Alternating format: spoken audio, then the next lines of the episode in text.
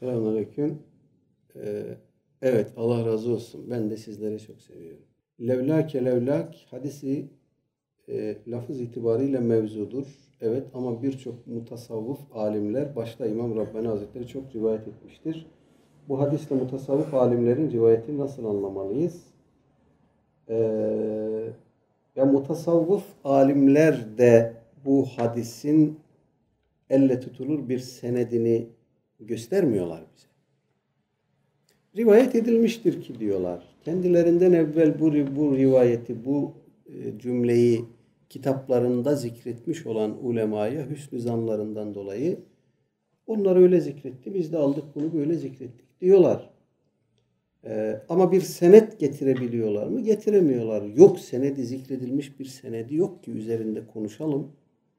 Ravilerini, ittisalini, inkıtağını vesaireyi konu böyle bir senedi olmadığı için buna hadis diye itibar etmek doğru değil.